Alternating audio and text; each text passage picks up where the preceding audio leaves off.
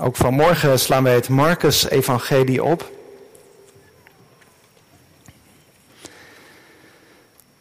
We lezen Marcus 13.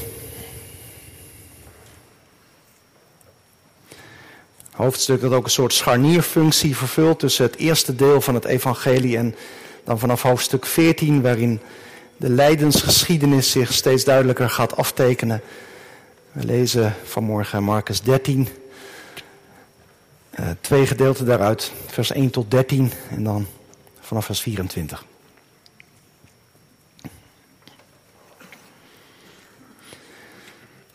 En toen hij, Jezus, uit de tempel ging, zei een van zijn discipelen tegen hem, Meester, kijk wat een stenen en wat een gebouwen. En Jezus antwoordde hem, ziet u deze grote gebouwen? Er zal niet één steen op de andere gelaten worden, die niet afgebroken zal worden. En toen hij op de olijfberg zat, tegenover de tempel, vroegen Petrus, Jacobus, Johannes en Andreas hem, toen ze alleen waren, zeg ons, wanneer zullen deze dingen gebeuren? En wat is het teken wanneer al deze dingen in vervulling zullen gaan? En Jezus antwoordde hun en begon hun te zeggen, pas op dat niemand u misleidt, want velen zullen komen onder mijn naam en zeggen, ik ben de Christus, en ze zullen velen misleiden. Wanneer u hoort van oorlogen en geruchten van oorlogen, wordt dan niet verschrikt, want dit moet gebeuren. Want het is nog niet het einde. Want het ene volk zal tegen het andere volk opstaan en het ene koninkrijk tegen het andere koninkrijk. En er zullen aardbevingen zijn in verschillende plaatsen en er zullen hongersnoden zijn en onlusten. Deze dingen zijn het begin van de weeën. Past u op uzelf, want ze zullen u overleveren aan raadsvergaderingen. En in de synagogen zult u geslagen worden. En u zult voor stadhouders en koningen geplaatst worden omwille van mij. Tot een getuigenis voor hen. En het evangelie moet eerst gepreekt worden aan alle volken. En wanneer ze u zullen wegleiden om u over te leveren, wees dan van tevoren niet bezorgd wat u spreken moet en bedenk het niet. Maar wat u op dat moment gegeven zal worden, spreek dat. Want u bent niet die spreekt, maar de Heilige Geest. En de ene broer zal de andere overleveren tot de dood, en de vader het kind. En de kinderen zullen opstaan tegen de ouders en zullen hen doden. En u zult door allen gehaat worden, omwille van mijn naam. Maar wie volharden zal tot het einde, die zal zalig worden. Vers 24. Maar in die dagen, na die verdrukking, zal de zon verduisterd worden en de maan zal zijn schijnsel niet geven. De sterren van de hemel zullen daaruit vallen en de krachten in de hemelen zullen heftig bewogen worden. En dan zullen ze de zoon des mensen zien komen in de wolken met grote kracht en heerlijkheid. En dan zal hij zijn engelen uitzenden en zijn uitverkorenen bijeenbrengen uit de vier windstreken, van het uiterste van de aarde tot het uiterste van de hemel. En leer van de vijgenboom deze gelijkenis. Wanneer zijn tak al zacht wordt en de bladeren uitspruiten, dan weet u dat de zomer nabij is. Zo ook u, wanneer u deze dingen zult zien gebeuren, weet dan dat het nabij is voor de deur. Voorwaar, ik zeg u dat dit geslacht zeker niet voorbij zal gaan, totdat al deze dingen gebeurd zijn. De hemel en de aarde zullen voorbij gaan, maar mijn woorden zullen zeker niet voorbij gaan. Maar die dag en dat moment is aan niemand bekend. Ook aan de engelen in de hemel niet. Ook aan de zoon niet. Maar alleen aan de vader. Let op. Waak en bid, want u weet niet wanneer het de tijd is. Het zal zijn als bij iemand die naar het buitenland ging. Hij verliet zijn huis, gaf zijn slaven volmacht en gaf aan ieder zijn werk en gebood de deurwachter waakzaam te zijn. Wees dus waakzaam, want u weet niet wanneer de heer des huizes komt, s'avonds laat, of te middernacht, of met het hanengekraai, of s morgens vroeg. Opdat hij u niet, als hij plotseling komt, slapend aantreft. En wat ik tegen u zeg, zeg ik tegen allen. Wees waakzaam. Tot zover de lezing uit de Bijbel. Dit zijn niet zomaar woorden, maar dit zijn de woorden van God. Amen. Boven de preek heb ik geschreven: Wees waakzaam over tekenen en toekomstverwachting.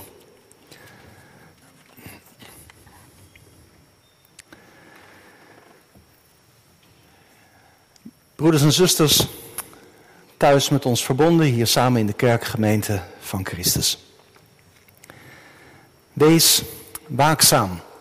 Dat is de kernboodschap die Jezus vanmorgen aan ons meegeeft. Wat ik tegen jullie zeg, zeg ik tegen iedereen. Wees waakzaam. Zo sluit hoofdstuk 13 van het Marcus Evangelie af. Het komt aan op waken en Jezus vertelt een verhaaltje om dat wat duidelijk te maken. Er is een rijke man die op reis gaat naar het buitenland. Zijn knechten geeft hij de opdracht om zorg te dragen voor zijn domein. Ze hebben allemaal hun eigen taak. Maar één knecht in het bijzonder wordt aangesteld als deurwachter. En de gebruikelijke taak van zo'n deurwachter was om mogelijke indringers buiten de deur te houden. Maar hier krijgt hij vooral de opdracht om uit te zien naar de terugkomst van zijn Heer. En om dan, als het zover is, de deur te openen. De Heer verwachten, dat is zijn roeping. Want je weet niet wanneer hij terugkomt, staat er dan. Laat in de avond of juist midden in de nacht, of bij het eerste hanengekraai, of s morgens vroeg. Laat hij jullie dan niet slapend aantreffen. Deze woorden die klinken aan het slot van een lange toespraak die Jezus houdt tegen zijn leerlingen. Je moet uw Bijbel er maar bij houden, want het is goed om af en toe even de vinger bij een tekst te leggen. Eh, de achtergrond die lees je in het eerste vers. Jezus met zijn leerlingen die hebben de tempel zojuist verlaten. En je merkt dat de leerlingen opnieuw onder de indruk zijn van de schoonheid van de tempel. Meestal zeggen ze, kijk eens wat aan stenen en wat aan gebouwen. Er was in die tijd een spreekwoord dat zij, wie de tempel van Herodes niet gezien heeft, die heeft nog nooit iets moois gezien. Om maar uit te drukken dat die tempel van Herodes, ook al was die van Salomo nog indrukwekkender geweest, maar ook deze tempel was van een indrukwekkende schoonheid. Een bijzonder bouwwerk, ja, maar ook vanwege de betekenis die dat gebouw had. Dit was het huis waar God woonde tussen de mensen. En je merkt dat de leerlingen, als ze daar zo dichtbij staan, er opnieuw van onder de indruk zijn. Misschien hadden ze die tempel nog wel helemaal niet zo vaak gezien in hun leven als gewoon vissers ergens in Galilea. Meester, kijk eens, wat een prachtig gebouw. Indrukwekkend. Maar Jezus reageert vervolgens heel anders dan de discipelen hadden verwacht. Hij sluit zich niet aan bij die lofzang op de tempel, integendeel. Hij zegt, die mooie tempel zal één grote puinhoop worden. Er zal niet één steen op de andere blijven. Het is voor ons moeilijk om voor te stellen wat voor impact die woorden van Jezus zullen hebben gehad. De tempel, dat was een van de pijlers onder het Jodendom. Dat was de plaats waar God woonde onder zijn volk, zei ik al. De plaats van de offers en van de gebeden. De plaats waar het contact tussen God en mens werd vormgegeven. Geen steen op de andere. Ze zullen diep geschokt zijn daardoor en, en daarom komen ze er later ook nog eens een keer op terug. Ze zitten dan samen op de olijfberg, staat er, vers 3. En vanaf die berg had je een prachtig uitzicht op de tempel. En de leerlingen zullen het opnieuw hebben gedacht, onvoorstelbaar, geen steen op de andere. En, en ze vragen aan Jezus, vertel ons, wanneer zal dat allemaal gebeuren dan? En aan welk teken kunnen wij herkennen dat het zover is? Een groot deel van Marcus 13 gaat over die vraag. Hoe kunnen de leerlingen van Jezus weten dat de verwoesting van de tempel aanstaande is? Wat is daarvan het teken? Dat is om zo te zeggen de ene betekenislaag van dit hoofdstuk. Die zich dus eigenlijk helemaal toespitst op die concrete historische situatie toen tot en met het jaar 70. Toen het inderdaad zover was dat de tempel verwoest werd. Maar er is in dit hoofdstuk ook nog een tweede laag, zoals je dat vaak hebt met profetieën. Dat je meerdere momenten hebt dat die profetieën hun betekenis hebben. Meerdere bergtoppen wordt ook wel eens gezegd. Er is nog een tweede betekenislaag, want nou ja, dat, dat lazen wij aan het einde. Het hoofdstuk loopt uit op de thuiskomst van de Heer, op de komst van Christus, zou je kunnen zeggen. Dat zijn dus twee perspectieven die je bij het lezen van dit hoofdstuk telkens in je achterhoofd moet hebben. De verwoesting van de tempel en de komst van Christus in heerlijkheid. Hoe kunnen wij, vraagt de leerling in vers 4, hoe kunnen wij onderscheiden dat het zover is? Aan welk teken kunnen wij dat herkennen? Nou, kijk maar even met mij mee, maar als ik het goed zie in Marcus 13, er worden zowel negatieve als positieve tekenen genoemd. Ik noem een aantal negatieve tekenen die aanduiden dat het zover is. Allereerst, in vers 5 en 6. Daar gaat het over mensen die de leerlingen misleiden. Velen zullen komen, zegt Jezus, en in mijn naam beweren dat ze de Messias zijn. Mensen die hetzelfde gezag claimen als Jezus. Nou, die had je binnen het Jodendom ook al heel vroeg. Als Jezus gestorven is, is opgestaan, teruggekeerd is naar zijn Vader in de hemel, dan breekt er een heel onrustige tijd aan in Israël. En de geschiedschrijver Josephus die noemt een aantal van zulke figuren, van leiders binnen messiaanse bewegingen, die heel veel mensen achter zich aankregen. Volksmenners, die het volk opzweepten om in opstand te komen tegen de Romeinen. Maar wat Jezus zegt beperkt zich nu dus niet tot die periode. Tot die dagen voorafgaande aan de verwoesting van Jeruzalem in het jaar 70. De eeuwen door, dat weet u ook wel. Zijn er mensen geweest die, die grote groepen mensen voor zich wisten in te winnen. Volksmenners, dictators, secteleiders.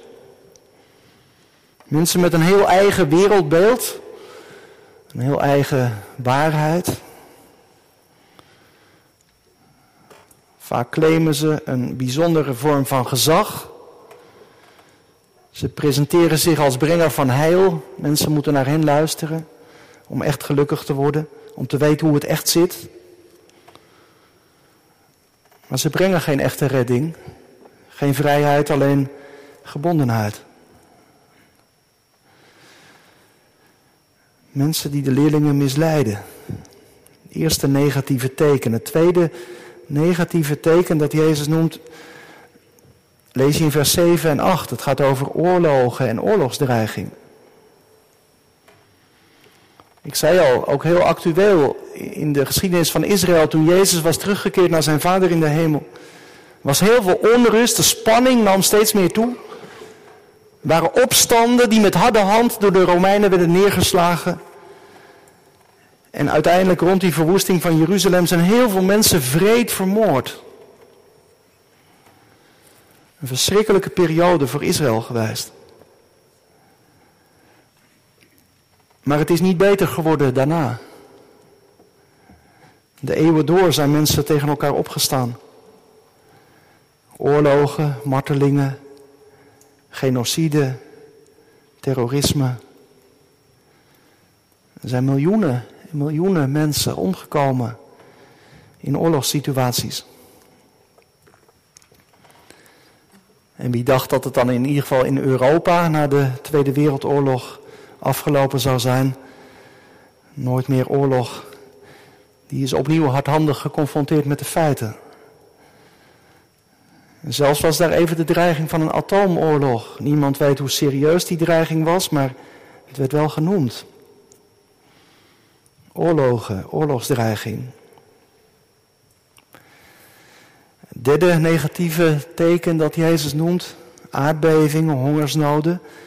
En Matthäus die vult dan nog aan in, in zijn verwerking van deze woorden van Jezus, epidemieën. In ieder geval in het jaar 76 na Christus, 67 vond in Israël een zware aardbeving plaats. En ook vanuit omringende gebieden zijn vanuit de geschiedschrijving in die dagen zulke verhalen bekend. Ongetwijfeld zullen de mensen in Israël die geruchten ook hebben bereikt. Maar het valt ook nu niet moeilijk om de lijnen door te trekken. Met alle technologische vooruitgang zijn er ook vandaag landen waar mensen te weinig te eten hebben. Door misoogsten, door burgeroorlogen. En dat epidemieën tot op de dag van vandaag bestaan, dat hoeven we door corona ook niet meer uit te leggen. De schepping zucht als in barensnood, zegt Paulus in Romeinen 8. En wij merken het als we om ons heen kijken. Er loopt een diepe, diepe scheur door deze wereld. En om nog één teken te noemen, de volgelingen van Jezus zullen ook te maken krijgen met vervolging. Nou, dat is ook heel concreet. Kort na Pinksteren zitten Petrus en Johannes al in de gevangenis. Nog maar een begin, want veel apostelen zullen uiteindelijk het leven laten in de dienst aan Jezus. En zo gaat het de eeuwen door met de volgelingen van Christus. Tot op vandaag zijn er mensen, christenen, die vervolgd worden omwille van het geloof. Gevangen, de mond gesnoerd, gekleineerd, buiten de orde geplaatst van de samenleving.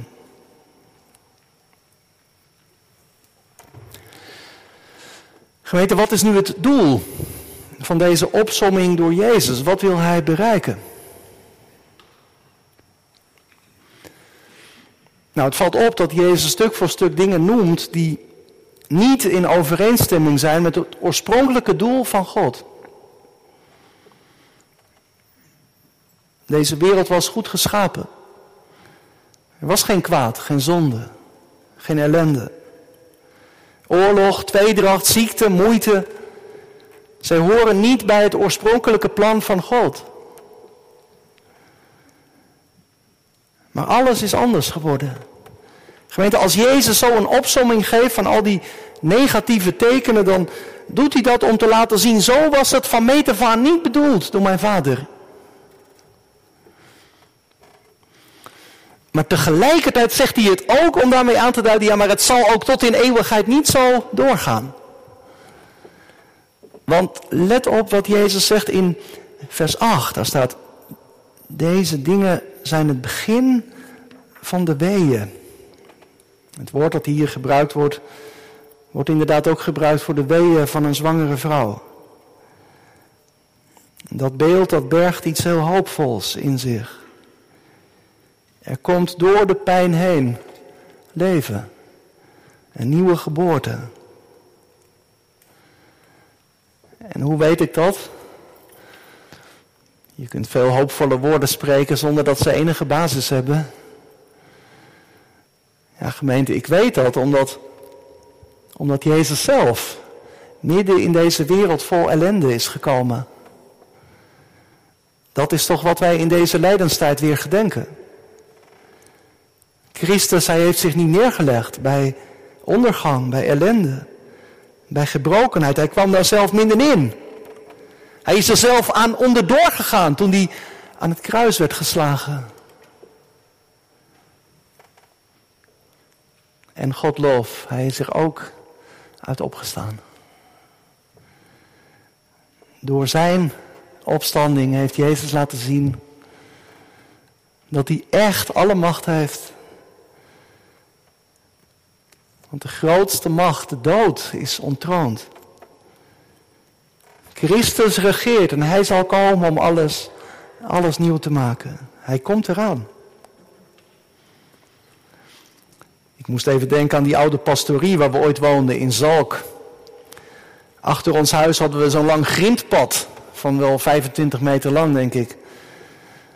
Als er iemand aankwam over dat pad, dan kon je de voetstappen horen.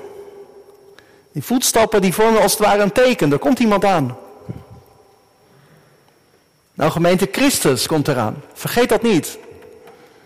Als je naar het journaal kijkt. Als je die verschrikkelijke beelden die je zo kunnen overweldigen naar je toe laat komen. Wat kan ik me vaak ook machteloos ondervoelen. Maar hij komt. Christus zegt, ik maak alle dingen nieuw. En zo kunnen zelfs die sombere tekenen me toch hoopvol maken. Omdat God het nooit zo heeft bedoeld. En dat hij dat eenmaal ook zal tonen door het nieuw te maken. Er zit nog een andere kant in dit hoofdstuk, want Jezus geeft ook een heel hoopvol teken. Dat is het teken van de vijgenboom. Goed om dat teken ook vanmorgen op je te laten inwerken. De discipelen die zijn geschokt door de toespraak van Jezus. Maar dan wijst Jezus zijn leerlingen op een vijgenboom. Een van de weinige planten, bomen in Israël die winters niet groen blijven.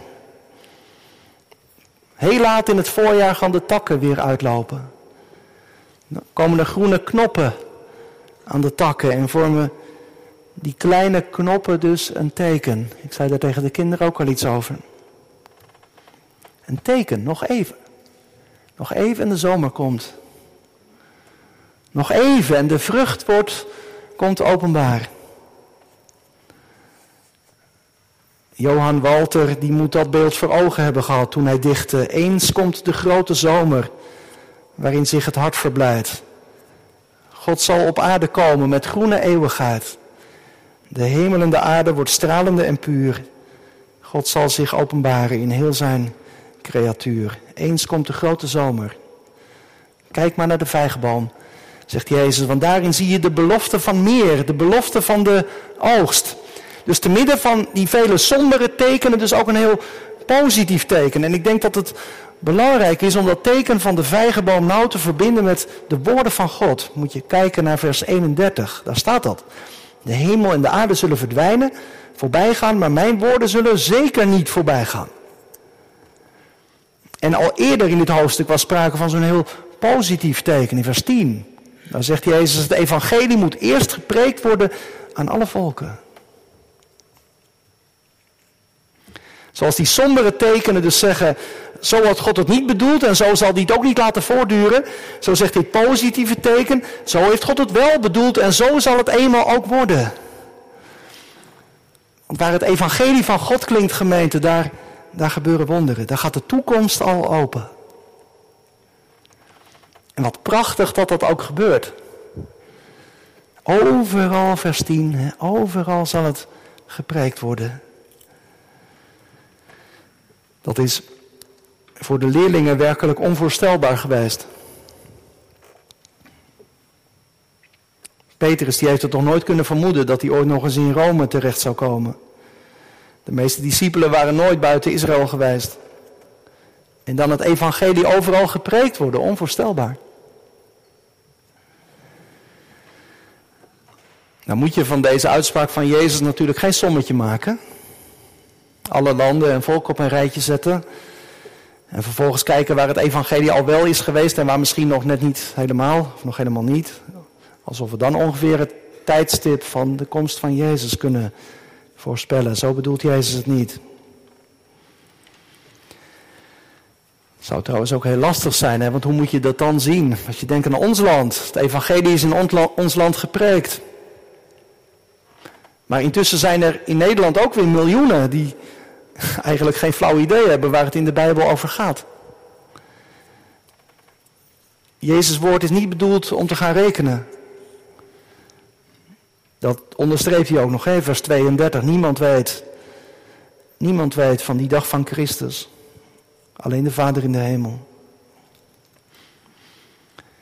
Intussen, intussen zie je aan de evangelieverkondiging wel, het gaat op Gods toekomst aan. En dat nou ja, dat raakte mij wel weer, ook wel persoonlijk. In de landelijke kerk zijn wij heel veel bezig met bezinning op de krimp van de kerk. Er is heel veel zorg door het kleiner worden van gemeenten. Dat zijn zorgen die trouwens ook aan Gouda niet voorbij gaan hoor. Dat moet u niet denken, er verdwijnen hier ook mensen. Omdat het evangelie hen niet echt meer raakt. En stilletjes verdwijnen ze soms zomaar door de achterdeur. Misschien jouw kinderen wel.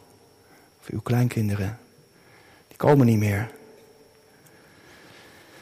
En die teruggang, het afhaken van mensen, dat kan je ook verlammen. Dat kan je ook soms somber maken. Maar gemeente, zien we ook de positieve tekenen?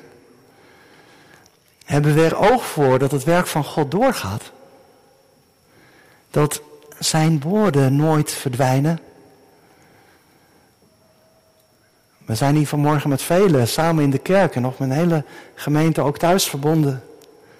Wat een vreugde na alles wat wij in de afgelopen twee jaar hebben meegemaakt. Ik kan het eigenlijk nog steeds niet goed geloven dat we weer met zoveel mensen samen zijn. Ik word er zo blij van en zo dankbaar voor. Dat er in de gemeente kinderen worden gedoopt. Dat er binnenkort weer jonge mensen beleidenis doen. Gemeente Gods werk gaat door. De kerk groeit.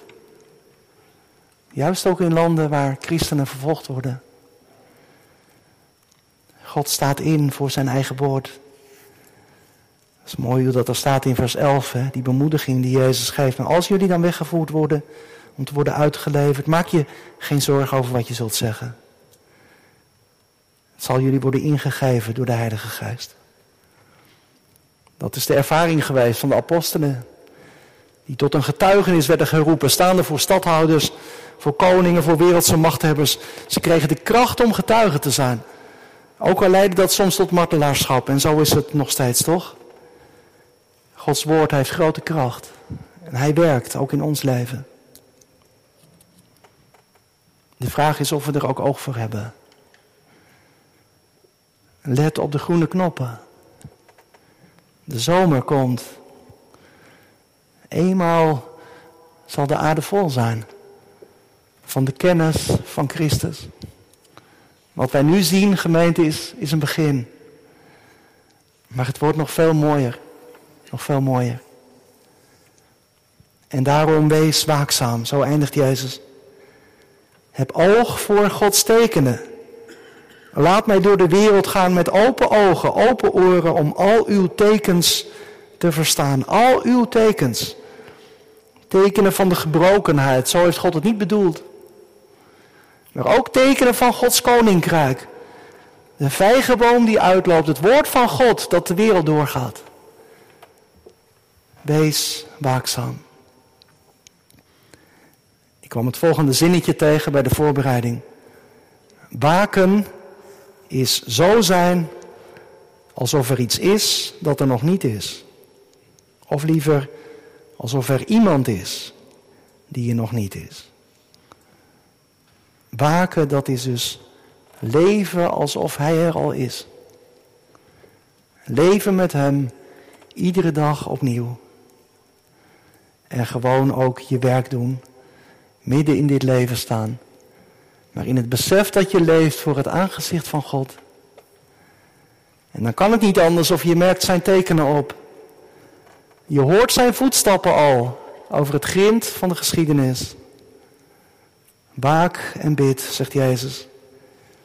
Bid dat je je niet in slaap laat sukkelen.